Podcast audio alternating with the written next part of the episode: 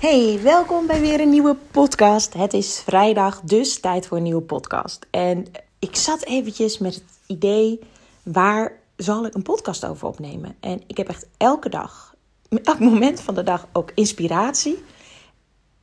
Tot nu. Totdat ik nu een podcast wilde opnemen, dacht ik, oh, waar wilde ik hem ook alweer over doen? Ik stond uit. Ik, ik weet niet wat het is. En toen vroeg ik eventjes op mijn social media: wie heeft er een vraag of een tip voor een thema voor een podcast? Want ik wil natuurlijk wel dat het waardevolle podcasts zijn. Ik wil geen podcast opnemen om een podcast op te nemen. Het moet wel een meerwaarde hebben. En uh, toen gaf uh, een vrouw mij een tip en ik heb samen met haar een, uh, een half jaar mastermind gedaan bij Kim Munnekom. En zij zei: Waarom vertel je niet een meer autobiografisch uh, verhaal over waarom je doet wat je doet.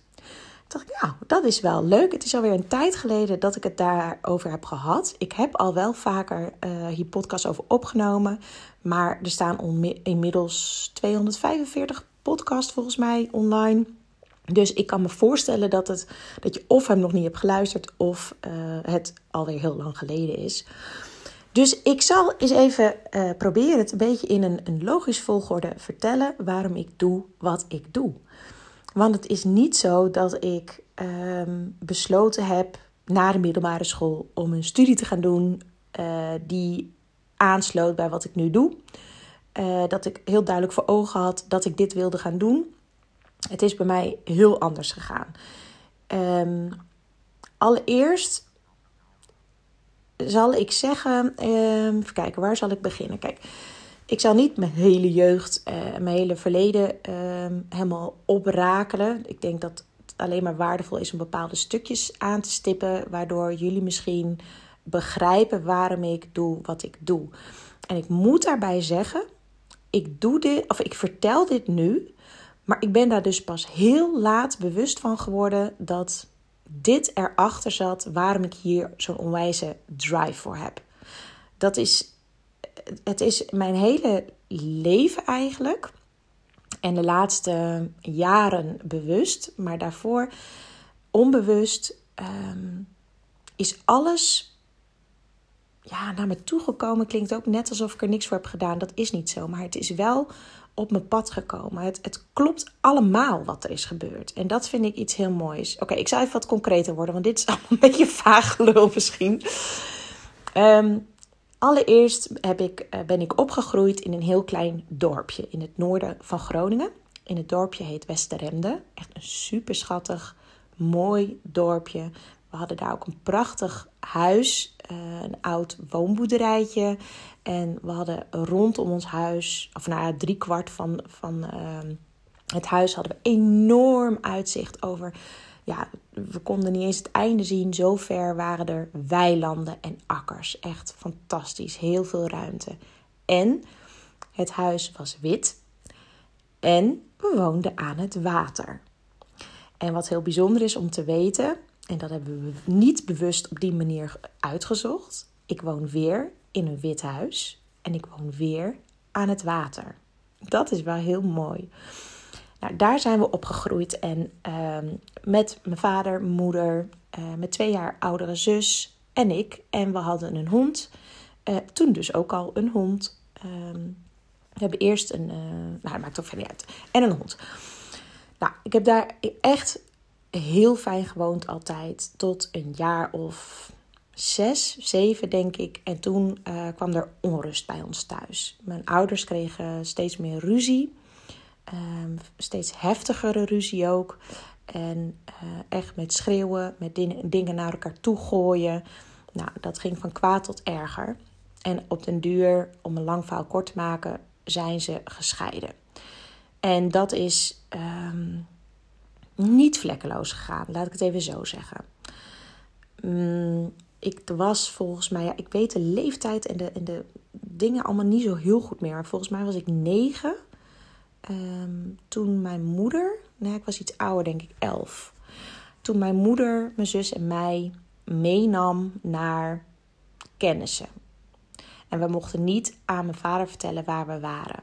En nu als uh, professionals hebben later gezegd van ja, dat is eigenlijk ontvoering geweest. Ik heb het zelf nooit zo ervaren. Ehm, we bleven daar lang logeren. Ik weet niet hoe lang, maar volgens mij een aantal weken. Um, en mijn vader wist dus niet waar we waren in het begin. En waarom? Volgens mij um, vond mijn moeder, mijn vader, ik weet niet eens waarom eigenlijk. Die vond iets van mijn vader sowieso. Dat heeft ze tot de dag, tot de dag van vandaag nog steeds. Um, daar is het eigenlijk begonnen. En toen, na dat moment, is mijn vader uh, een scheiding gaan doorzetten.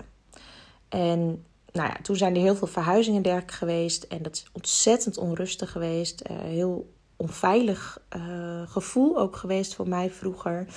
Um, ik heb een hele tijd nog bij mijn moeder gewoond. Uh, in een heel klein huurhuisje. mijn moeder was heel verdrietig. Die was eigenlijk hele dagen aan het huilen. En mijn zus was eigenlijk al direct bij mijn vader gaan wonen. Dus ik was alleen met mijn moeder. De hond hadden we toen niet meer. Geen idee eigenlijk waar die was. Waar die heen is gegaan. Um, en toen was ik dus een jaar of twaalf, denk ik. Ik ging, ja, na elf nog. Ik ging naar de middelbare school uh, in die tijd bijna. Dus de overgang van de basisschool naar de middelbare school, dat was in die periode. En mijn moeder was dus hele dagen aan het huilen. Die deed eigenlijk niks meer in huis. Dus ik deed vanaf die leeftijd eigenlijk alles al qua huishouden. En um, ja, ik zorgde eigenlijk een soort van voor mijn moeder. Er was vaak ook geen eten in huis. Um, ja, toen was dat gewoon zo. Als kind ben je verder niet echt mee bezig. Ja, er zit wel een bepaalde schaamte.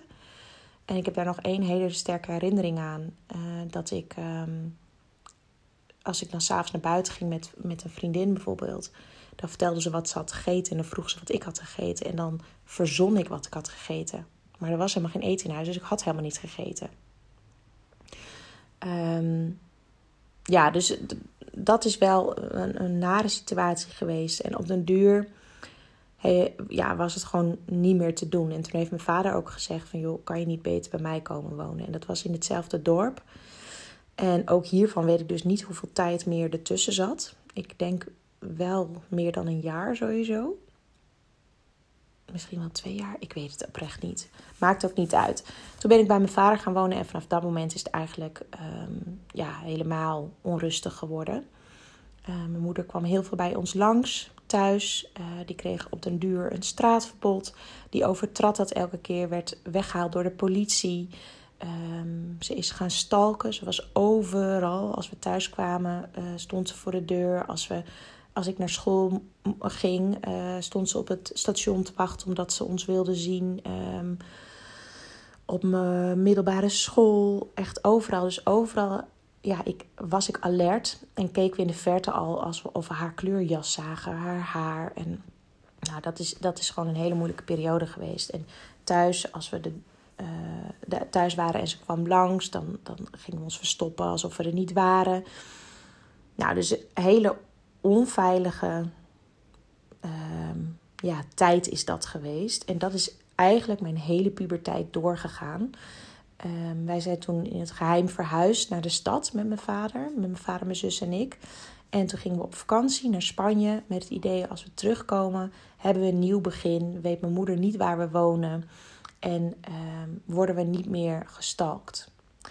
Toen kwamen we thuis van de vakantie en toen lag er een kaartje, handgeschreven kaartje, in de brievenbus. Die was door de brievenbus gedaan, door mijn moeder. Had, de, had ze gewoon bij de gemeente gevraagd waar wij waren gaan wonen. En die heeft het gewoon verteld. Diegene, nou dat mag natuurlijk helemaal niet, maar dat hebben ze wel gedaan. Dus het hele circus ging daar gewoon weer verder. Um, nou, dat, dat is nou, dat, dat is doorgegaan totdat ik uit huis ben gegaan. En ik ben dus ook op jonge leeftijd thuis gegaan. Ik was 17, misschien net 18. Toen ging ik uh, studeren. toen ben ik op kamers gegaan. En vanaf dat moment heb ik nooit meer aan mijn moeder verteld waar ik woonde. Totdat ik dus nu uh, helemaal aan de andere kant van het land woon. Want mijn moeder woont nog steeds in Groningen.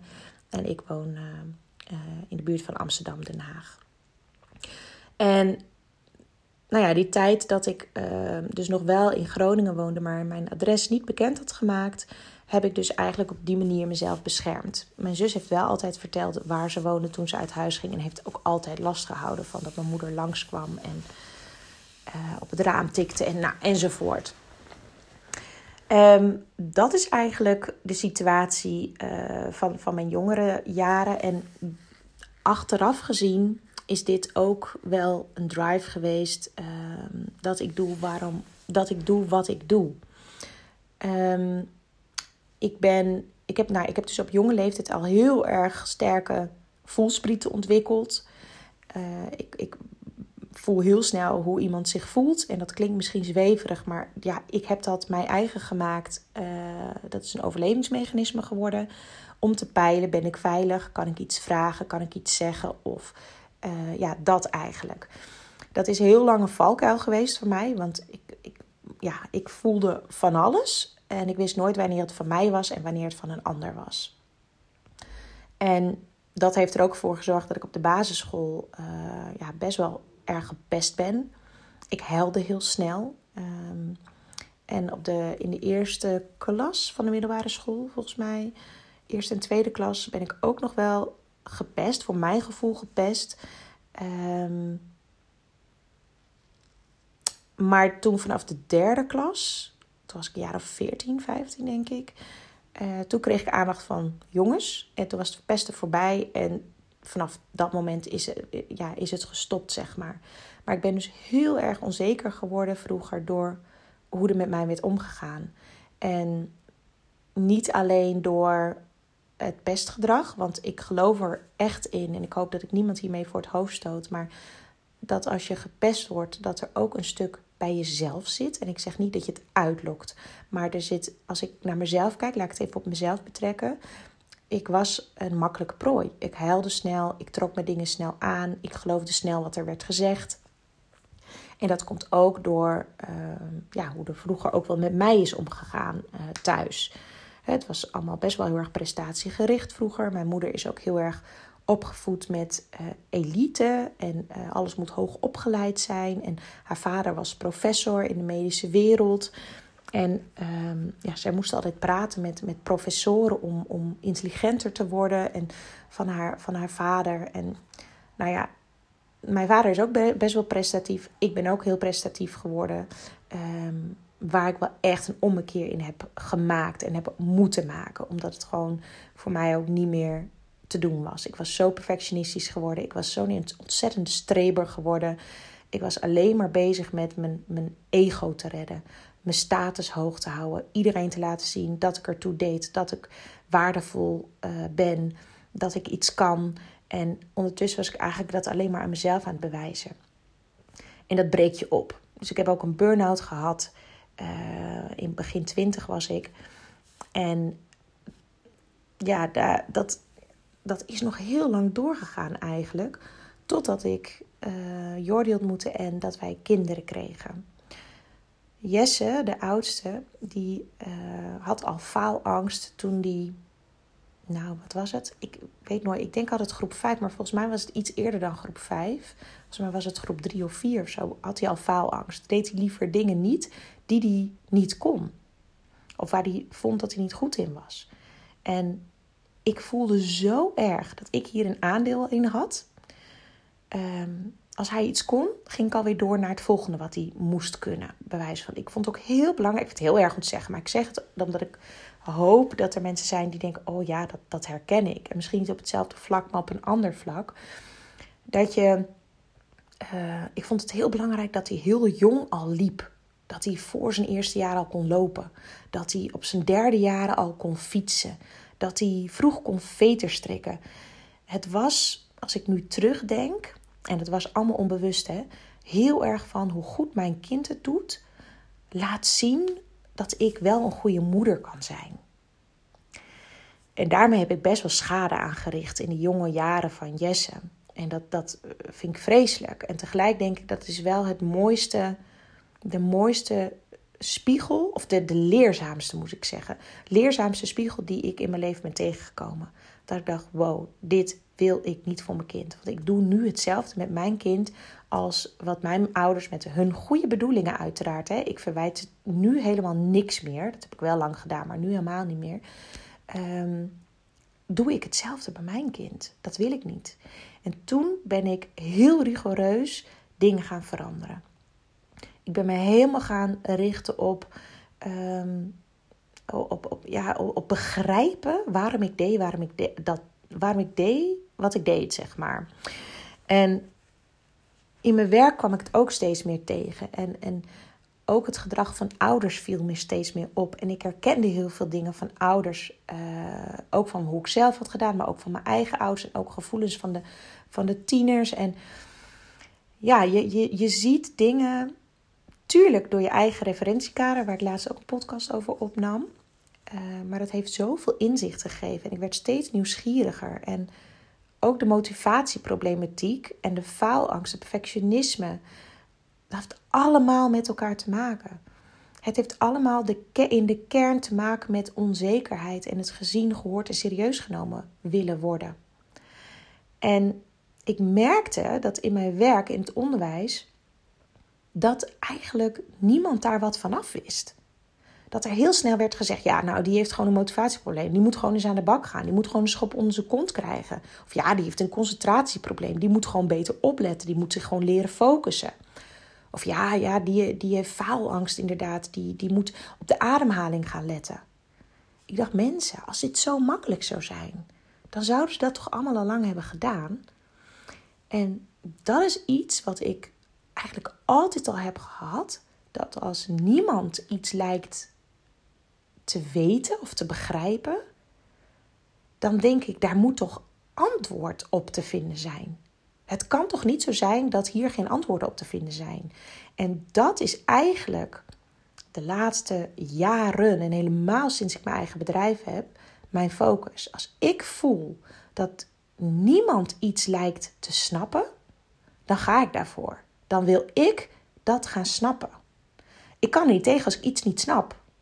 Ik, ik, ik voel dan zo'n positieve drive om erachter te komen wat dat is.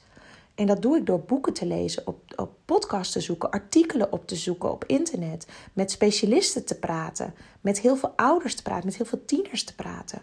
En de afgelopen jaren heb ik echt zo ontzettend veel ouders, tieners en docenten gesproken en specialisten, waardoor ik patronen ging herkennen. En waardoor ik dingen van mezelf beter ben gaan begrijpen, heel anders ben gaan uh, handelen en ook heel anders in het leven ben komen te staan. En die groei die ik nu even in een, in een notendop vertel, maar die groei dacht ik, ja maar jongens, als ik dit kan, dan kan iedereen dit. Dit is iets wat iemand mij eigenlijk in mijn puberteit al had mogen vertellen. Dat als ik zo met het leven omga, zo naar dingen kijk, zo mijn mindset inricht, zo mijn, mijn, uh, mijn invloed pak, hè, focus op waar ik wel invloed op heb, dan was mijn leven een heel stuk makkelijker geweest. In plaats van al door die continue strijd en, en het gevoel hebben niet goed genoeg te zijn, het gevoel hebben raar te zijn en anders te zijn. En ik heb jaren de angst gehad dat ik net zo zou worden als mijn moeder. En mijn moeder is een schat van een mens, echt waar. Ze heeft een hart van goud. Ze heeft ontzettend veel meegemaakt in haar jeugd. Ehm, dat, is, dat is niet eens te vergelijken met wat ik heb meegemaakt. Mijn vader net zo. Ehm, die heeft ook veel meegemaakt. Die heeft zijn moeder bijvoorbeeld op tweejarige leeftijd moeten verliezen. Uh, mijn moeder heeft haar moeder op 16-jarige leeftijd moeten verliezen. Dat zijn ontzettend heftige gebeurtenissen. En ik heb dus heel erg de angst gehad dat ik, uh, ja, dat ik, dat ik net zo mij zou gaan voelen als mijn moeder in haar uh, ja, slechte periodes, slechte tijd. En dan, dan, dan leef je niet voluit.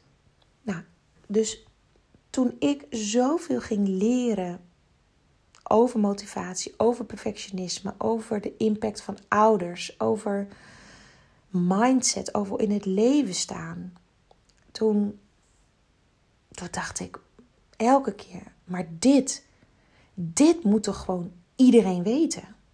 Dit moet toch iedereen weten, zodat hij zelf de keuze kan maken, die ik ook heb gemaakt, om anders tegen dingen aan te gaan kijken en liefdevol te leven en zichzelf zien, horen en serieus nemen en niet afhankelijk zijn van dat anderen dat doen, want daar heb je helemaal geen invloed op. En vooral te denken aan wat wil ik? Waar word ik blij van? Los van wat je denkt dat de wereld van je verwacht, of je ouders van je verwachten, of, of wat dan ook.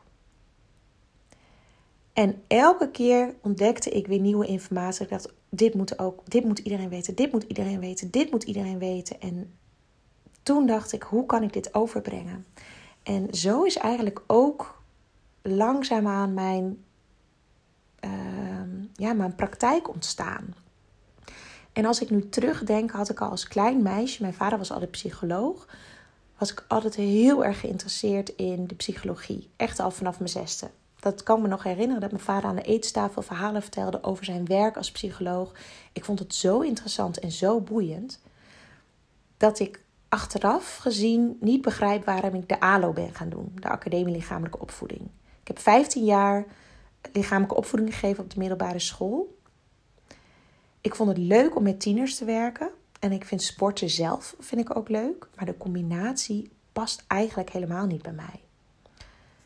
En uiteindelijk ben ik dus uh, decaan geworden van HAVO-VWO bovenbouw. Dus uh, uh, doorstromen, afstromen, vakpakket kiezen, studiekeuzebegeleiding. En had ik veel meer één op één gesprekken en gaf ik voorlichting. Dat paste al veel beter bij mij. En daarna ben ik ook nog leerlingcoördinator geworden. En daarna ben ik overgestapt naar mijn eigen praktijk. En alle ervaring die, die ik heb opgedaan in het onderwijs, daar heb ik nu zo ontzettend veel aan. Het is echt, echt niet voor niks geweest dat ik het pad heb uh, ja, bewandeld, die ik heb behandeld. Op alle vlakken. Zowel mijn jeugd als het uit huis gaan, als uh, keuzes maken voor mezelf, als het verhuizen naar het westen van het land trouwen met Jordi, kinderen krijgen, de spiegel voorgehouden krijgen door mijn oudste zoon.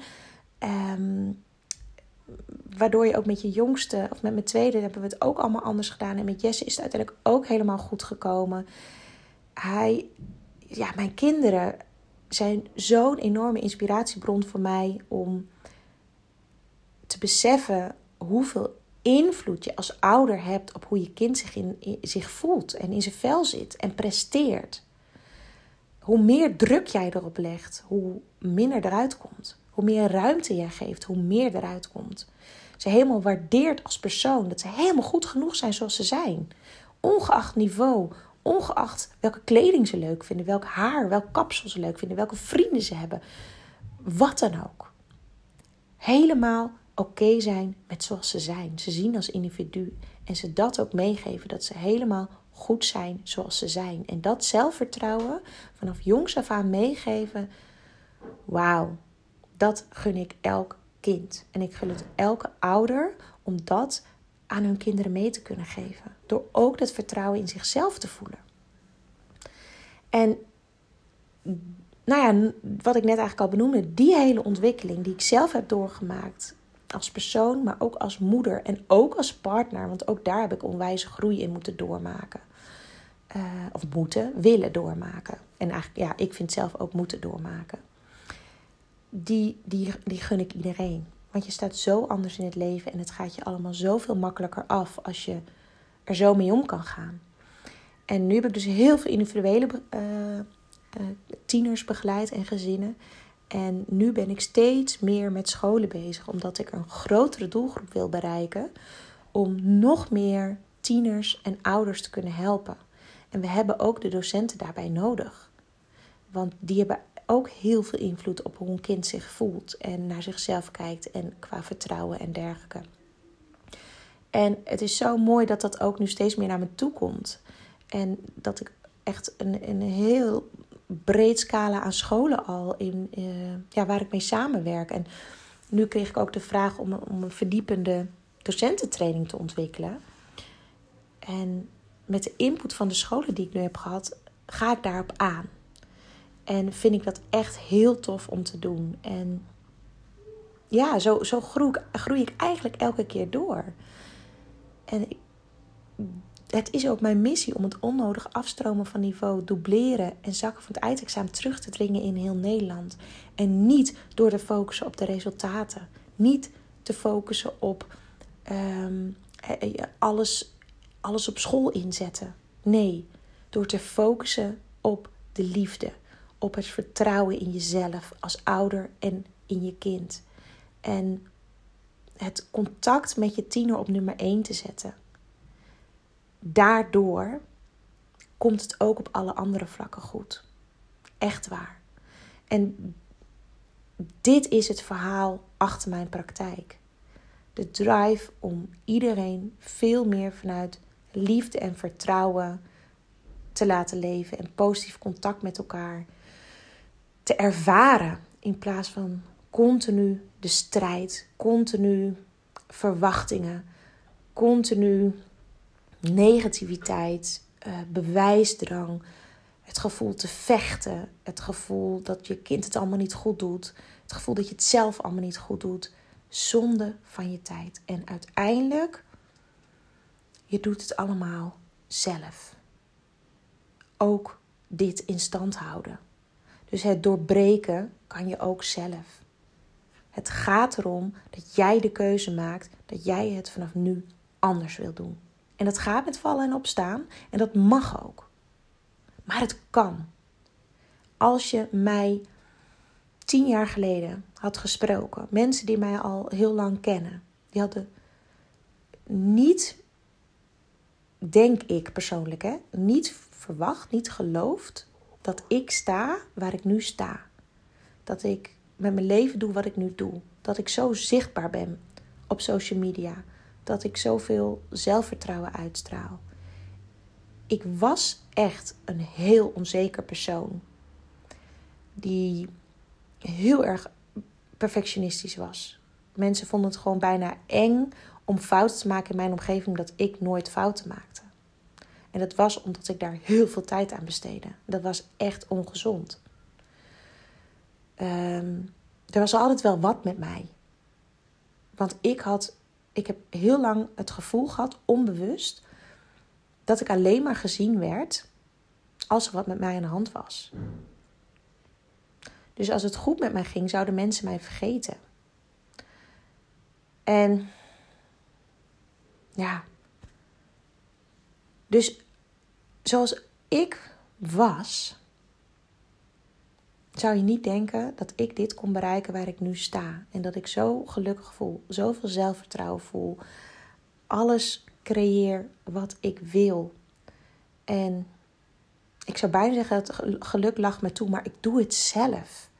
Ik doe het zelf. Het is echt hoe jij in het leven gaat staan, wat jij verwacht, wat jij wil dat er gebeurt en daarnaar handelen. En dat is precies wat ik met mijn bedrijf mijn werk wil overbrengen aan alles en iedereen. Oké, dat was hem. Ik ben benieuwd wat je ervan vindt en of je dingen herkent in mijn verhaal. En dat vind ik onwijs leuk om te horen. stuur me gerust, een DM via uh, Instagram. Um, want dat vind ik hartstikke leuk als je dat deelt. Het is niet voor niks dat jij namelijk naar mijn podcast luistert. Dat geloof ik ook.